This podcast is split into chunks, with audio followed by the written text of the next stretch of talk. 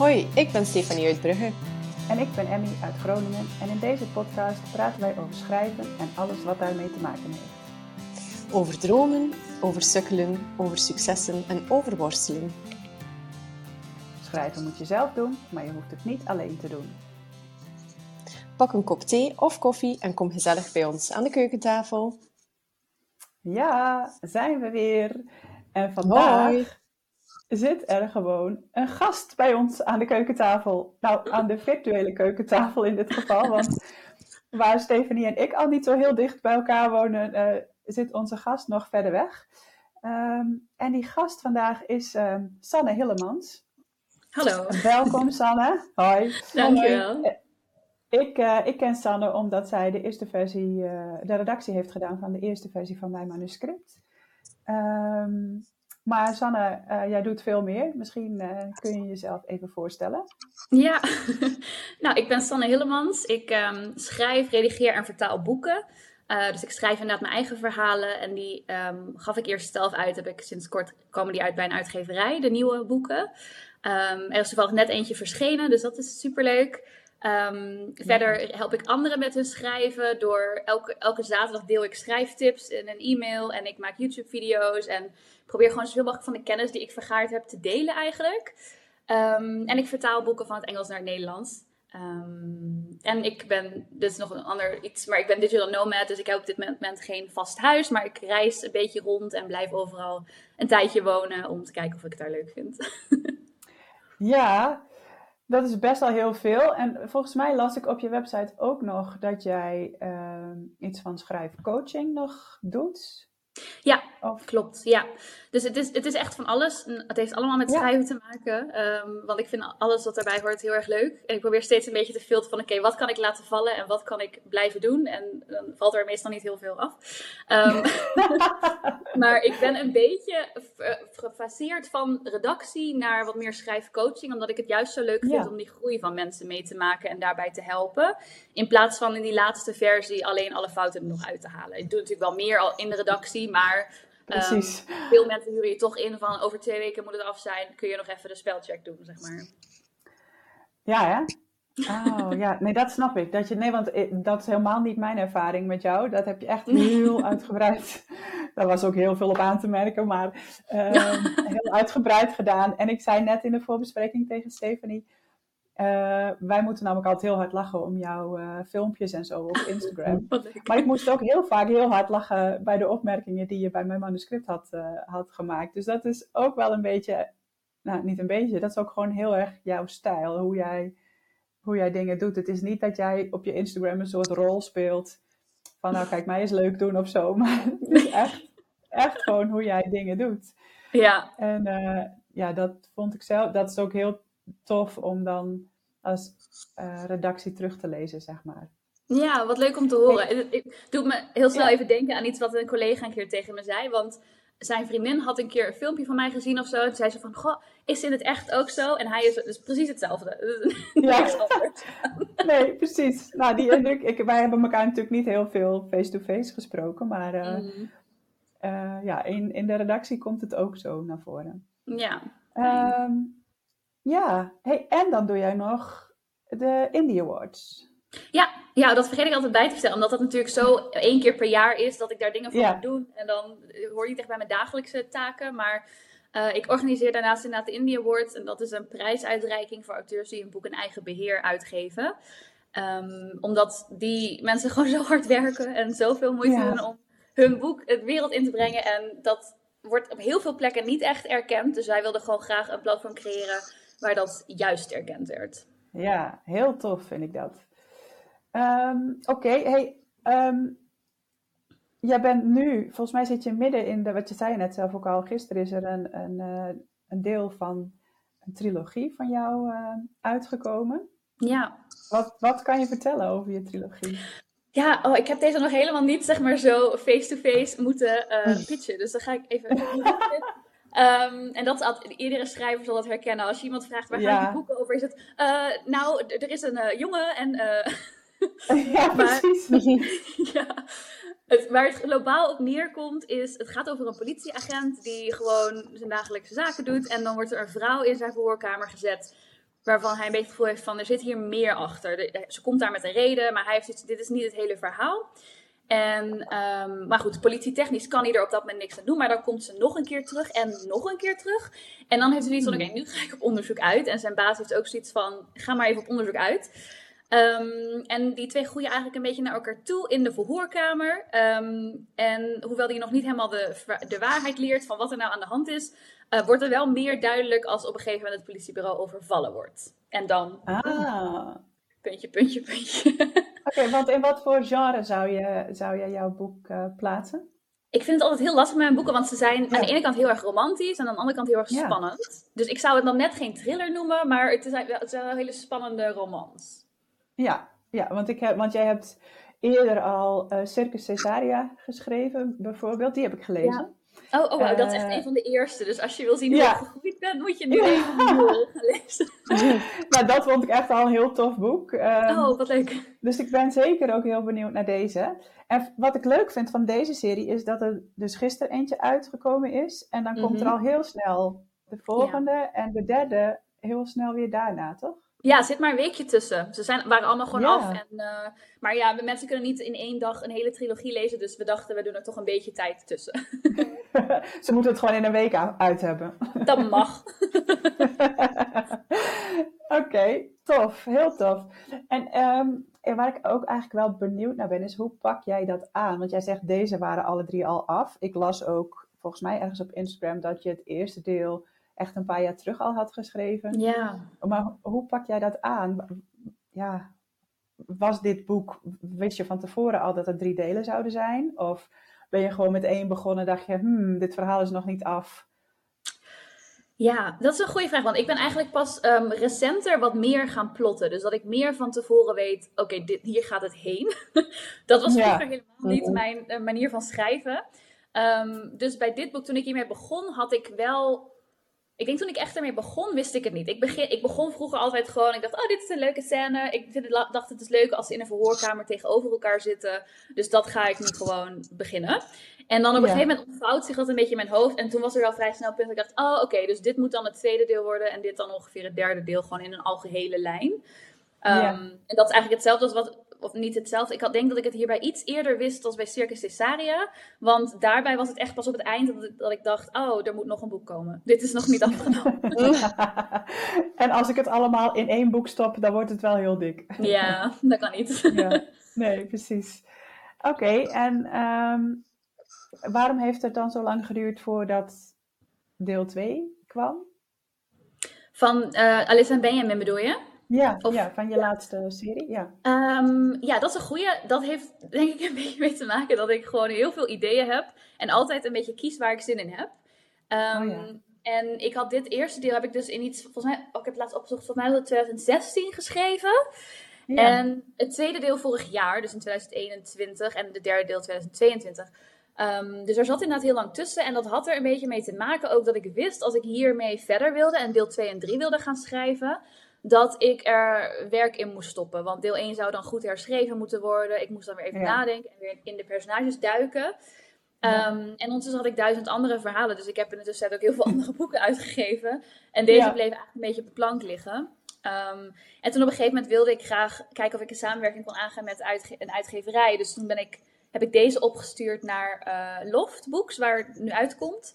En zij hebben toen gezegd, oh, daar zien we wel wat in, dat is leuk, ga maar deel 2 en 3 schrijven. En toen dacht ik, oh fijn, eindelijk een stok achter de deur om verder te gaan met dit verhaal. Want ik vond het heel leuk en ik vond de personages heel erg leuk, maar ik had zelf niet echt de energie of zo om er meteen in te steken, zonder dat ik wist wat het resultaat zou worden. Uh, dus dit hielp. Um, Tegelijkertijd moet ik ook zeggen dat ik nooit meer een deadline aanga voor boeken, want ik vond dat heel moeilijk.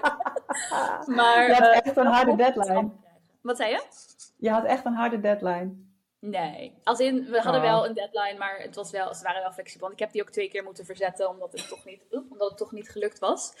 Oh, ja. um, maar het helpt wel dat je denkt, oh, ik moet, er is nu toch wel iemand die hierover zit te wachten wat ik aan het doen ben. Dus ja, maar... precies. ja, ja, en want wat, hoe gaat het? Want nu zeg je van ik heb Lovebooks benaderd en die zagen er wel wat in. Uh, hoe is jouw verder ervaring met het zoeken naar een uitgever voor je, voor je boeken? Um, ik heb daar een klein beetje ervaring mee, want toen ik begon had ik al heel snel uh, het idee van oké, okay, ik wil het zelf gaan uitgeven. Ik had tijdens mijn studie een half jaar stage gelopen bij een uitgeverij. En toen had ik zoiets van, dit kan ik. Dit is, het is niet super ingewikkeld. Ze hebben alleen gewoon een heel groot netwerk en heel veel achter de schermen dingen die ze kunnen doen. Maar het proces zelf is gewoon wel te doen voor een leek, als je er een beetje in verdiept. Ehm, dus toen dacht ik, die wil ik zelf doen. Maar op een gegeven moment had ik wel zoiets van, het lijkt me gewoon heel fijn om alle eh, manieren te ehm, ontdekken, zeg maar, van het uitgeven. En um, was ik ook wel heel erg benieuwd wat een uitgeverij zou kunnen doen voor mij juist. Dus toen heb ik een paar uitgeverijen benaderd met een paar verschillende boeken. Oh, ja, want jij had nog wel wat op de plank natuurlijk. Ja, ik had inderdaad nog wel wat op de plank liggen. Dus, en er is heel veel van afgewezen. en Loft had ik eigenlijk niet eens echt benaderd met een boek, maar ik had meegedaan aan een schrijfwedstrijd van hen. En oh, toen kreeg ik een mailtje met, oh, uh, je ben, hebt niet gewonnen, maar wel heel leuk geschreven, heb je nog meer. Um, Oké. En dat was toen een heel erg feel-good verhaal. Dus ik had gezegd, ja, maar ik schrijf eigenlijk meestal veel dramatischer dan dit. Dus ik weet niet of jullie dat ook leuk vinden. En zei ze, nee, kom maar op. Dus uh, toen heb ik dit opgestuurd naar ze. Um, dus dat was Alyssa en Benjamin die ik heb opgestuurd. Dus het eerste deel van deze trilogie. En toen zeiden ze, oké, leuk, we willen met je samenwerken. En toen zei ik, hey, ik heb nog twee andere boeken. die zijn eerst uitgekomen bij hem. Oh, dus dat, ja. mag ik bij jou en bewaak mijn hart. Dus die, die zijn al oh uit. En nu eindelijk is de hele trilogie af. Dus kan dat eerste deel ook eindelijk uitkomen. Ja, want is het, denk jij, slim als je een trilogie schrijft... of, of twee delen van een, een verhaal... om alles af te hebben voordat je deel 1 bijvoorbeeld gaat uitgeven? Ik denk dat dat niet noodzakelijk is. Ik, ken, ik heb ook een vriendin, Robin Roosendaal, en zij schrijft een tiendelige serie. Ja, dan ga je dat niet kunnen doen. Ja, dat is een heel high fantasy uh, verhaal. Um, maar ik had voor mezelf wel zoiets van, ik, ik, ik wist dat ik niet geweldig zou zijn met deadlines. En als er dan zoveel druk op komt te liggen van er is één boek uit en mensen wachten op een vervolg, dan zou ik helemaal blokkeren. Dus ik denk dat je een beetje bij jezelf moet nagaan hoe je daarin werkt. Ehm, ik weet gewoon, ik, voor mijn creativiteit heb ik nul druk nodig. Ik heb, zeg maar, dan kan ik in een maand een boek schrijven als ik gewoon alle vrijheid voel. Maar als ik weet, er wacht iemand op, dan gaat het jaren duren. Dus um, dat was voor mij heel belangrijk. Dus ik denk dat je een beetje bij jezelf moet nagaan van, kan ik dat aan? En ik zou dan ook wel aanraden als je beginnend schrijver bent om die druk niet op te leggen. Weet je, misschien zelfs te beginnen met een standalone. Of weet je, als het al een trilogie is, dat het niet allemaal op elkaar, zeg maar, vanaf elkaar afhankelijk is. Dus dat je wel kan zeggen, het eerste boek is uit, maar dit is een standalone. Dus weet je, dan is het al wat minder druk. Maar als je echt een, een aansluitend verhaal wil uitgeven, dan zou ik of eerst gewoon een ander verhaal schrijven en dat eerst uitgeven. Of wachten. Ehm, maar schrijvers willen meestal niet wachten. Iedereen wil altijd alles heel snel. oh ja? Is dat je nou, ervaring? Sommige. Nee, je hebt gelijk. Maar je hebt, je hebt maar wel echt twee soorten, merk ik ook in samenwerkingen. Um, jij bijvoorbeeld, dat je inderdaad in een vroeg stadium eigenlijk bij mij komt met: hey, wil je eens naar mijn tekst kijken? Want ik wil ervan leren en er beter maken. Uh, maar er zijn ook veel mensen die zeggen van: oké, het is af. Hoe ga ik het nu zo snel mogelijk uitgeven? Want ik wil een boek uitgegeven hebben. Dus ah, dat is een beetje mhm. de ja, scheiding, merk ik. Ja, precies. Ja. Uh, grappig dat je over die schrijfwedstrijd begint, want onze vorige aflevering ging daar uh, ook over. Dus um, uh, ja, het sluit eigenlijk heel mooi aan wat jij zegt ook, dat je meedoet aan schrijfwedstrijden, dat je dan niet eens hoeft te winnen om daar toch iets mee te bereiken in uitgeversland. Nee, het, het viel mij namelijk op toen ik, toen ik ging zoeken naar wat voor schrijfwedstrijden zijn er eigenlijk allemaal in Nederland, dat heel veel schrijfwedstrijden door uitgevers worden georganiseerd. Ja, dat is volgens mij wel waar, inderdaad. En dat is voor hen natuurlijk ook een hele laagdrempelige manier om kennis te maken met nieuw talent. En om gewoon eens te zien hoe anderen schrijven. En als er dan een pareltje tussen zit, kunnen, dan hebben ze je contactgegevens. Precies, hoeven ze niet de hele sluspuil door en uh, kunnen ze toch uh, wat mensen eruit vissen. Ja, inderdaad. Ja. Volgens mij had jij nog een vraag, Stephanie, over dat, um, die stage bij de uitgever. Ja, absoluut. Allereerst beantwoord inmiddels. Nee, nee, nee, nog niet helemaal. Ik ben uh, aandachtig aan het luisteren, want het is een uh, wervelwind van woorden die op mij afkomt hier. Uh, maar super uh, knap hoe je het zo simpel doet klinken en, uh, of zo vlot doet klinken.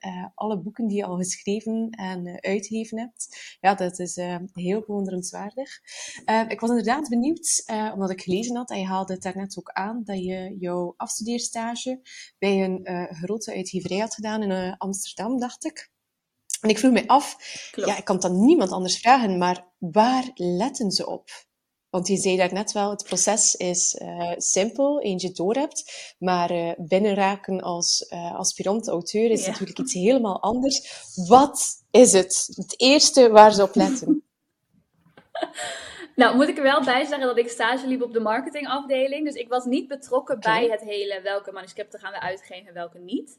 Maar ik mhm. zat wel naast de receptie en daar kwamen ze binnen. Dus dat kan ik je wel vertellen. Um, want je weet sowieso meer dan mee. En keek, oké, okay, welke imprint moet dit? En uh, gaan ze dit, zeg maar, dan gingen we even kijken.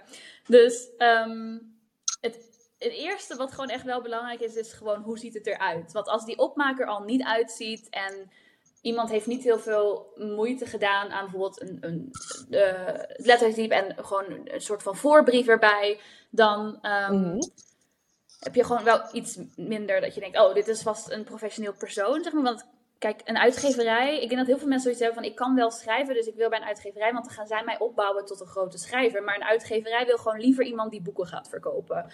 Dus die gaan voornamelijk kijken, is dit iemand waar al potentie in zit? En niet iemand die net begon met schrijven en dacht, mijn boek is af, dus nu willen jullie het hebben. Want zo zit dat meestal gewoon niet. Um, dus ze kijken wel echt een beetje naar de vormgeving en ziet het er professioneel uit. Ik heb toevallig een, uh, video op YouTube staan. Volgens mij heet die iets van Zo ziet je manuscript er instantly professioneel uit. dus die is goed om even te bekijken van oké, wat is nou een layout dat je kan gebruiken en met inspringen en al dat soort dingen. Um, we zetten dus even, uh, ik onderbreek je heel even, maar we zetten even een linkje in de show notes naar jouw YouTube kanaal. Dan kunnen mensen dat oh, ook even, even opzoeken. Tof. Ja, ik heb al heel lang geen video's meer gemaakt, maar ik ben nu weer bezig. Dus er komen binnenkort weer bij. Dus dat is ook heel leuk. Ja, maar volgens mij wat er al staat is al best wel waardevol. Uh, ja. Dus uh, zeker ja, er waard om even te kijken. Ja, dus um, ja, die uitstraling is toch wel het eerste. Um, en ook, mensen hebben soms zoiets van, ook oh, gaan ludieke actie doen en ik maak er iets leuks van. En dat is op zich leuk. Maar ja, in mijn geval kwam het dus gewoon, bij ons kwam het binnen op, op de receptie en wij haalden gewoon het manuscript eruit en legden dat bij de uitgever neer. Dus die krijgen die hele verpakking helemaal niet mee. Um, dus het is niet mhm. noodzakelijk om dat erbij te doen. Um, ik denk een tweede ding waar ze naar kijken is, kijk, je stuurt vaak een synopsis op, dus even een overzicht van wat is het verhaal, wat, waar gaat het over, wat zijn alle plot twists. En dan stuur je daarnaast vaak of het hele manuscript of de eerste hoofdstukken op. En ik, ze gaan kijken naar een combinatie van die synopsis, dus zit het verhaal goed in elkaar. En dan gaan ze kijken naar je schrijfstijl door een paar pagina's te lezen. Dus wat super belangrijk is, is dat die eerste paar pagina's gewoon goed zijn. En dat die vaak door mensen gelezen en dat dat, dat grijpt um, voor zowel een lezer als een uitgever. Want als het daar al een beetje saai is of het niet helemaal goed zit, dan zullen ze minder geneigd zijn om door te lezen. Zowel de uitgever als uiteindelijk je lezer. Um, Dus leren hoe je echt een, een, een, begin dat grijpt, zeg maar, maakt, is denk ik ook heel waardevol. Um, en verder zullen ze ongetwijfeld ook echt wel kijken naar wie ben jij als persoon. Want een uitgeverij gaat niet alle marketing voor je doen. In tegenstelling tot wat sommige mensen soms denken. Als mm. schrijver ben jij het gezicht van je verhalen. Dus je gaat zelf zeg maar, de wereld in moeten en moeten zeggen: hé, hey, ik ben schrijver en wil je mijn boek kopen? Niet misschien in die woorden, maar um, je zult jezelf zeg maar moeten gaan promoten ook. Um, dus mm ze willen weten, ben jij iemand met al een following? Dus heb jij zelf al dingen gedaan om jezelf zeg maar soort van te profileren? Uh, heb jij een netwerk? Um, werk je in een boekwinkel? Weet je wel, dat soort dingen. Nou ja. En zo'n podcast, helpt dat ook mee? Wat zeg je? een podcast als deze, zou dat ook kunnen helpen? Zou zeker kunnen helpen, ja. Dus Wel iets om te noemen, toch? In een brief wat je, wat je doet.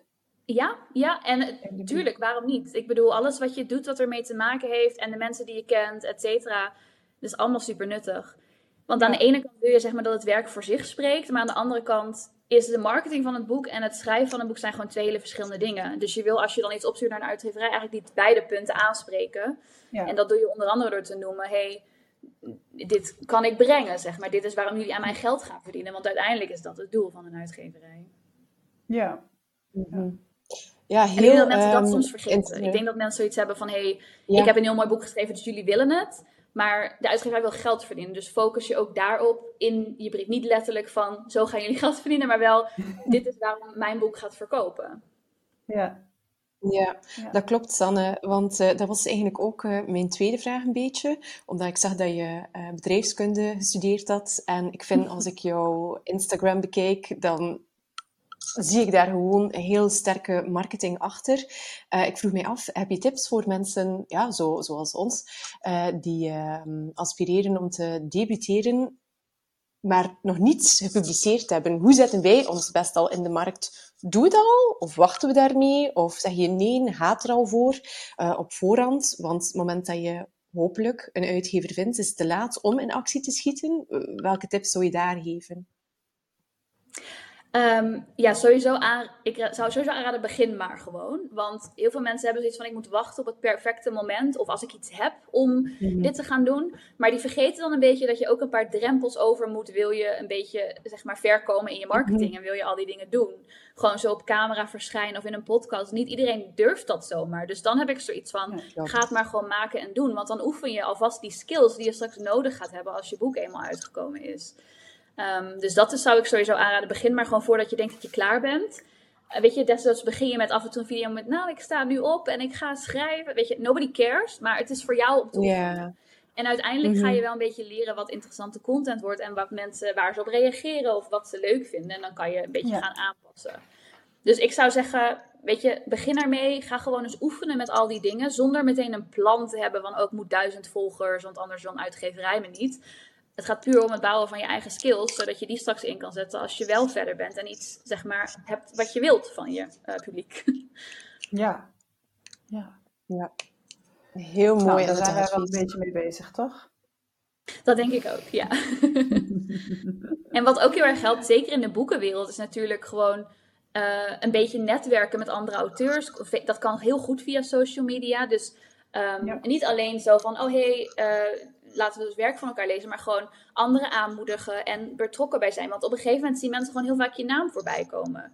In het begin reageerde ik echt op alles en las ik iedereen zijn boek en deed ik alles. En nu lukt dat niet meer, want ik heb andere dingen te doen. Maar um, nu is dat iets minder hard nodig, omdat ik gewoon al wat netwerk heb. Maar als ik weer zoiets heb van, oh, ik merk dat ik niet um, niet genoeg mensen ken in, in deze branche of zo, dan ga ik gewoon heel actief daar kijken wie zijn daar dan allemaal en hoe kan ik daar misschien waarde leveren of uh, een grapje maken of wat dan ook. Um, en dan, ja, ik denk dat mensen soms netwerken een beetje iets hebben van ik moet netwerken met iemand die al verder is dan ik en dan zorgen dat ik leer hoe ik daar kom. Maar op het moment dat je netwerkt met mensen die op jouw punt staan, zeg maar. Je weet niet waar zij zijn over twee jaar. Dus daarmee netwerken is net zo waardevol. Want misschien hebben zij ook weer wel een uitgeverij en kun je dan daar binnenkomen. Ja, het kan echt van alles zijn. Tof. Ja, dat zijn denk ik echt wel hele goede, goede tips.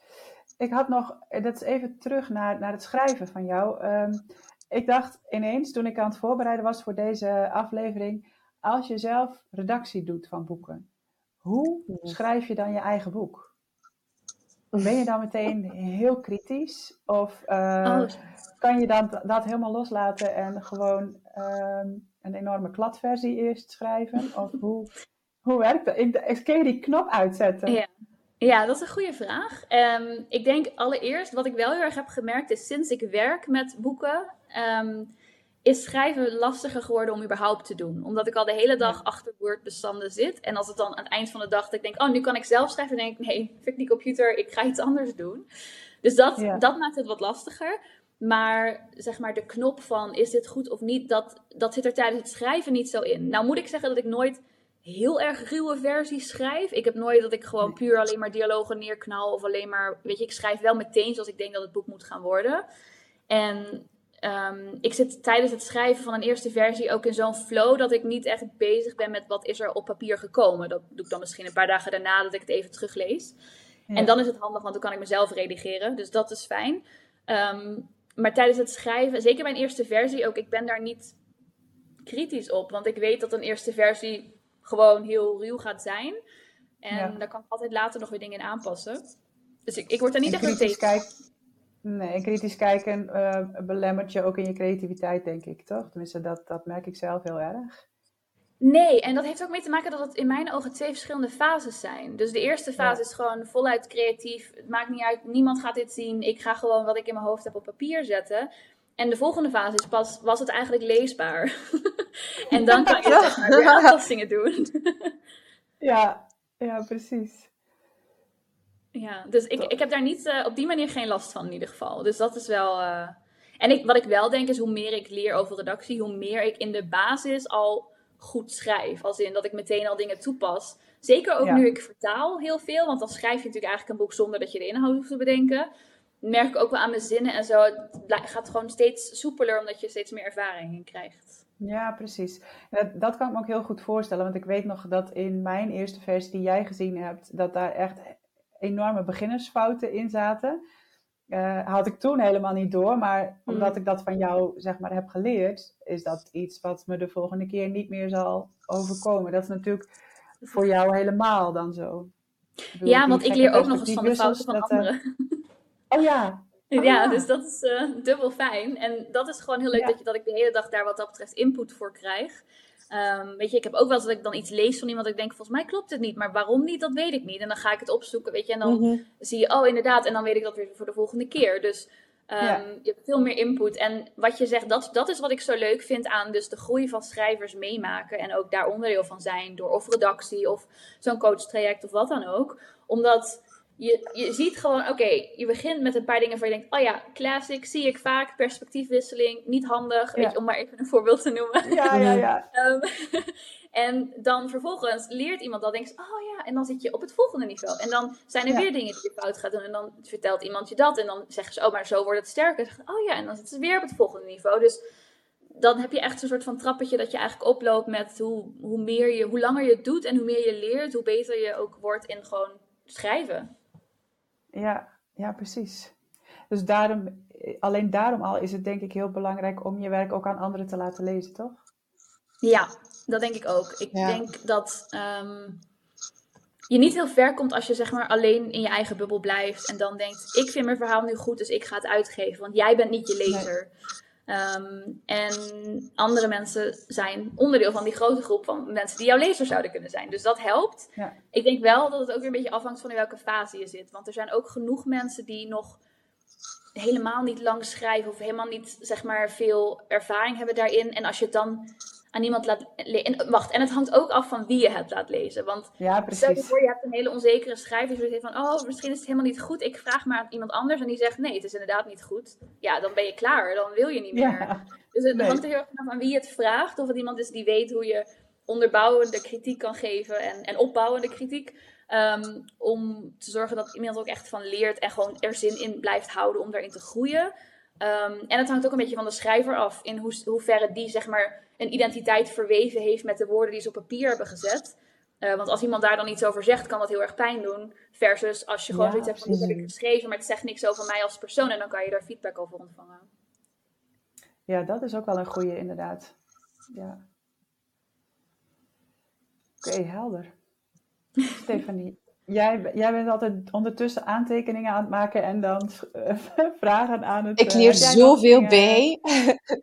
Nee, nee, het is uh, echt een oh. overrompeling aan info, maar uh, goede info. Um, ook veel herhaling van dingen die ik al, al, weet of zelf ervaren heb. Dat inderdaad, hoe meer je leest en hoe meer je schrijft, uh, hoe meer je dingen oppikt. Zeker ook van anderen lezen, of dat nu manuscripten zijn, um, of effectief gepubliceerde boeken. Want technisch lezen is inderdaad iets, yeah. of proeflezen is iets heel anders dan gewoon voor ontspanning lezen. je wordt daar beter door, je ontwikkelt je eigen schrijf schrijfspier. Dus dat is super herkenbaar. Um, maar goed om opnieuw te horen en daaraan herinnerd te worden. Uh, dus ik neem inderdaad nota zo van, oh ja, oh ja, heel juist. Um, daarnet vond ik het uh, ook heel mooi begin voor je klaar bent. was ook een hele mooie reminder. Um, dus die heb ik ook even genoteerd. Um, ja, ik kan geen vragen meer bedenken eigenlijk. Ik heb zoveel info. Jij, Emmy? en dan praat ik ook nog zo snel. ja. Um, nou, ik denk... Zal ik jullie even een vraag stellen? Ik had twee dingen aan de hand van ah, de podcast die ik had geluisterd. Want ik dacht, oh, dit wil ik eigenlijk jullie even vragen. Ja. Um, dus Stephanie, om even met jou te beginnen. Want ik, ik hoorde in een van de eerste podcasts dat jij zei dat je intergenerationeel trauma heel een mooi thema vond. In boeken en verhalen volgens mij. En ik ben mhm. toevallig nu net een serie aan het kijken waar dat heel erg in zit. Dus ik was benieuwd of je die gezien hebt. Uh, en dat is Shameless. Uh, nee, die heb ik niet gezien. Nu, um, intergenerationeel oh, ja. trauma, we doen alsof dat, dat één specifiek thema is, maar ik denk dat dat het thema van elk boek een beetje is. Want in elk boek is het toch zo dat het um, heden gedomineerd wordt door het verleden. Ik las het op jouw website ook. Hè? Uh, dat je schreef van uh, persoon A maakt iets mee, uh, of ik heb het opgeschreven trouwens. Ja, één persoon maakt iets mee, een trauma, en dat staat het, de tweede persoon de, voor de liefde in de weg. En dan dacht ik van ja, dat is inderdaad de opbouw van elk boek. Iemand heeft iets meegemaakt in een verleden en dat maakt in zijn heden iets moeilijk. En daar gaat dan de hele kwestie over. Um, maar um, nee, nee, de serie heb ik niet gezien. Uh, ik moet wel denken aan Maid. Die heb jij misschien gezien? Die gaat daar nee, ook heel hard over. Ah, kijk, voilà. Ik ga die van jou kijken en jij kan die van mij kijken. Uh, nee, maar de serie zag ik niet. Maar ik ga zeker een keer... Uh, kijken op Netflix, dank je. Ja, ja want wat je zegt, alle, alle trauma's komt natuurlijk voort uit dingen uit het verleden. En, maar dit had heel erg, heeft heel erg te maken met een familie. Dus eigenlijk het zijn iets van vijf mm -hmm. of zes kinderen met een alcoholische vader en een bipolaire moeder. En dan, nou ja, ja. Ik vond het heel oh. interessant, want het is, aan de ene kant heeft het heel veel humor, maar het heeft ook heel veel drama en heel veel uh, echte dingen, zeg maar. Dus daar, omdat ik die toevallig aan het kijken was toen ik de podcast luisterde, dacht ik, oh, ik ben benieuwd of je die dan gezien hebt. Maar... nee, nee, dank je voor de tip. en Emmy, aan jou wilde ik vragen, want ik heb je dit volgens mij nog niet eens echt gevraagd toen we gingen samenwerken. En um, jij vertelde namelijk ergens, of in je story zag ik dat, iets in de trant van elke keer als je schrijft, dat je toch weer terugkomt bij historische verhalen. En ja. in mijn hoofd is dat een extra, zou dat extra obstakel zijn in het schrijven, omdat je dan research moet doen en je moet allemaal dingen bijhalen en daar weet ik niks van, zeg maar. Dus ik was heel erg benieuwd, waarom vind jij die extra laag zo leuk om dat eraan toe te voegen eigenlijk? En, want ook als je dan korte verhalen schrijft, dat je denkt, ik wil niet gewoon fictie schrijven in het nu, maar ik wil echt dat het in het verleden afspeelt. Goeie vraag. Um, nou ja, ten eerste vind ik het research doen echt superleuk. Ik heb, uh, ik heb maatschappelijk werk gestudeerd, maar ik heb in, later in mijn carrière altijd gezegd: als ik nog eens opnieuw zou moeten kiezen, zou ik of journalistiek of geschiedenis gaan studeren. Hmm. Dus uh, ik ben gewoon heel erg geïnteresseerd in geschiedenis. Um, en nu jij dit zo vraagt, denk ik dat uh, ik wil eigenlijk altijd een soort boodschap ook in mijn verhalen verstoppen. En ik denk dat mijn liefde voor geschiedenis erin zit dat we heel veel kunnen leren, denk ik, van, van de geschiedenis. En dat daar dan, dat het voor mij uh, misschien zelfs wel makkelijker is om daar die boodschap aan op te hangen. Ja, ja, dat kan me voor. Dat is natuurlijk wel een mooie kapstok, ja. Ja, ja. En ik heb het, en dat is waarom ik afgelopen jaar elke maand een kort verhaal heb geschreven. Omdat ik gewoon heel veel dingen wilde proberen en, en ermee oefenen. En ik had voor oktober ja. meer een soort feel-good-achtig verhaal geschreven. En dat, dat voelt voor mij ook niet... Uh... Bevredigend. Nee. Ja, heb ik ook dat... met sommige dingen, ja. Ja. ja. Ja, ja, het geeft een extra laag aan een verhaal. En ja, ik hou er heel erg van, omdat ik geschiedenis zo leuk vind, om ook in die tijd me helemaal onder te dompelen. Ik weet nog wel dat ik toen ik echt net met Janne aan het schrijven was, uh, dat ik dan soms door de stad liep, want dat speelt zich hier in de stad af. Dat ik dan soms door een straat liep en dacht, oh, hier heeft Janne ook gelopen. Mm. Nou is Janne een fictief personage, dus dat kan helemaal niet. Maar dan was ik echt voor mijn gevoel helemaal terug in die tijd. Ja. En uh, ja, dat, dat vind ik heel tof. Ja, leuk. Mooie vraag. Mooi antwoord ook. Ja, want ik denk dat inderdaad aan de ene kant, zeg maar, het heeft natuurlijk. Want je schrijft wel echt over de echte wereld. Terwijl in mijn hoofd zijn mijn ja. werelden vaak weet je, steden die niet bestaan. En toevallig bij Alice mm en Benjamin speelt het zich heel duidelijk op bepaalde locaties af. Maar meestal hou ik er niet van om het echt in een bestaande plek te zetten, zeg maar. Um, terwijl jij dat juist, zeg maar, ik kan me dat helemaal voorstellen als je dat wel doet en je loopt daar dan rond. Dat je zoiets hebt van, ik loop eigenlijk rond in mijn eigen verhaal. En het, ja. het, is ook heel logisch, vind ik, dat je, dat je juist iets waar je heel erg veel interesse in hebt, erin verwerkt. Want ik heb, dat, ik heb hetzelfde met, um, met psychologie. Want als mijn personages niet, als hun persoonlijkheid er niet goed in zit, of er geen trauma in zit, of dramatische dingen waar, waar ze emoties bij moeten laten zien, um, ja. dan vind ik het oninteressant om te lezen en te schrijven. Um, dus ja, dus daar herkende ik me heel erg in. Ook gaat het over iets heel anders. Ja, ja, ja precies. Leuk. Um, ik, ik, bedenk opeens dat we eigenlijk nog een beginvraag voor jou hadden, die ik helemaal vergeten ben te stellen. nou, doen we nu. nou, dan doen we die gewoon nu. Ja, maakt het uit. Um, welk boek had jij graag willen schrijven? Wat je hebt gelezen maar niet hebt geschreven. En die heb ik expres niet van tevoren ingestuurd, omdat ik dacht, ja, daar moet je niet te lang over nadenken over zo'n vraag. Nee, maar het is grappig, want er schiet inderdaad meteen eentje bij me binnen. En het um, is een van de mm, moet ik dat wel zeggen? Maar dat zal ik dan nu toch maar doen. Um, ik, ik heb toevallig um, laatst een boek vertaald, waarvan ik echt dacht, oh my god, had ik die maar geschreven. En oh. dat is Lotus van Jennifer Hartman. Dus dat is een Engelstalig boek, maar in Nederland heet hij ook Lotus.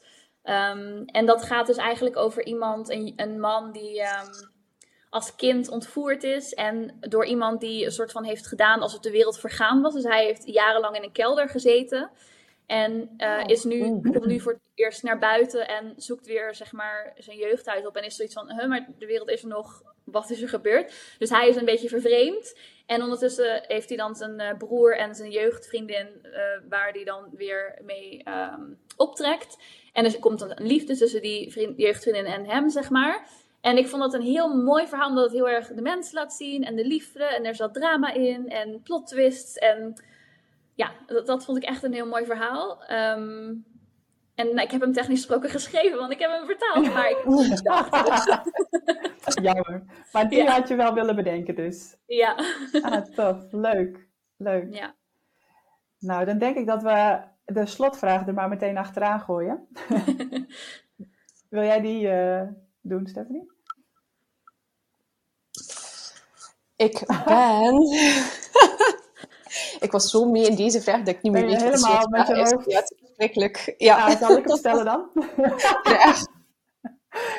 De slotvraag was: wat is jouw ultieme advies aan schrijvers of beginnende schrijvers waarvan je denkt, ja, dat moet je echt weten of doen? Of... Um, ja, ik vind, ik vind doe-advies meestal niet zo interessant. Ik heb ook altijd heel lang een beetje een afkeer tegen cursussen en schrijfcoaches. Omdat ik dacht, die vertellen je dan alleen maar wat je precies moet doen. En dan gaat je eigen creativiteit eruit. Nou is dat helemaal niet waar, maar dat dacht ik vroeger. um, maar mijn tip gaat meer een beetje over de mindset en de insteek waarmee je het schrijfproces ingaat. Um, want ik denk aan de ene kant, wees bescheiden. En aan de andere kant, wees zelfverzekerd ik heb het gevoel dat er, dat er schrijvers zijn die mm. te veel doorslaan in het een en schrijvers die te veel doorslaan in het ander. Dus je hebt de schrijvers die één boek hebben geschreven, zoiets hebben van dit is fantastisch, nu ben ik net zo goed als al die bestseller-auteurs en verdien ik ook al die roem. En, en dat is mhm. niet waar, want je hebt nog maar één boek geschreven, dat is waarschijnlijk nog niet je beste boek ooit. Dus daar moet je nog komen. En aan de andere kant heb je juist de schrijvers die jarenlang schrijven of, en wel heel goed zijn, maar zoiets hebben van mm, waarschijnlijk is het, is het niks. Um, dus ik zou zeggen, probeer voor jezelf te vinden van waar je, waar je zit. En probeer tegenovergestelde te doen van wat je, welke neiging je hebt. Um, dus als je zo heel bescheiden bent, probeer je zelfverzekerd te zijn. En als je inderdaad een beetje merkt van, mm, stiekem vind ik mijn boek toch wel echt heel goed. Ga dan kijken, waar kan ik nog leren? Want ik, in het begin had ik dat heel erg. Ik had zoiets van, mijn boek is af en iedereen gaat dit geweldig vinden. En nu kijk ik echt terug dat ik denk, oh, heb ik dat zo uitgebracht? Um, dus want ik ben zoveel verder en ik weet nu zeker dat ik nooit uitgeleerd ga zijn. Dus ik zou. De, de tip zou dan eigenlijk zijn: focus je op je eigen groei en niet op het product dat je aan het maken bent. Ehm, want dat is uiteindelijk waar je het verste mee komt. Dat ene boek kan misschien goed verkocht worden, misschien niet. Maar als jij doorgaat en je schrijft meer en je wordt beter, dan vergroot je gewoon die kans. Mooi. Die schrijf ik even op. Focus je op je eigen groei, niet op je product. Ja. Heel mooi. Ja. Ja, en daar moest ik ook echt op de soort van harde manier achter komen. Iedereen moet daar op de harde manier achter komen, maar ja. dat uh, is denk ik wel belangrijk. Dankjewel voor deze mooie tip.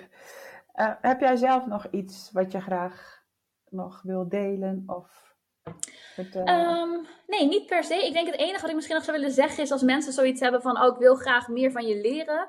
Ik uh, breng dus elke zaterdagochtend stuur ik een uh, nieuwsbrief met een schrijftip. En dat zijn tips die heel makkelijk toe te passen zijn en heel kort zijn. Dus je bent echt niet langer dan drie minuten aan het lezen. Um, dus ik zou mensen in ieder geval willen aangeven van, kijk daar. Dat is uh, www.sannehillemans.nl slash schrijftips. En dan krijg je er gewoon iedere zaterdag één. En dan kan je mee doen wat je wil of niet. Um, maar ik denk dat het wel inspireert. Dat denk ik zeker. Ik krijg ze namelijk. en, uh, uh, dat klopt. Het is uh, heel kort, maar er zit altijd heel veel waarde in. Dus ehm, ja, dat, dat is zeker de moeite waard om, om je daarvoor in te schrijven. Oh, fijn om Ja, te horen dat je dat zo ervaart. Ja. Dankjewel. Oké, dan gaan we afsluiten. Sanne, ontzettend bedankt dat je wilde aanschuiven. Ja, graag gedaan. Ja, het was echt tof. Je was onze allereerste gast. En we zijn echt super trots en vereerd dat jij eh, onze eerste gast wilde zijn. Ik vond het erg gezellig. Ehm, nou, mooi. Wij ook. Stephanie, wat gaan we in de volgende aflevering bespreken?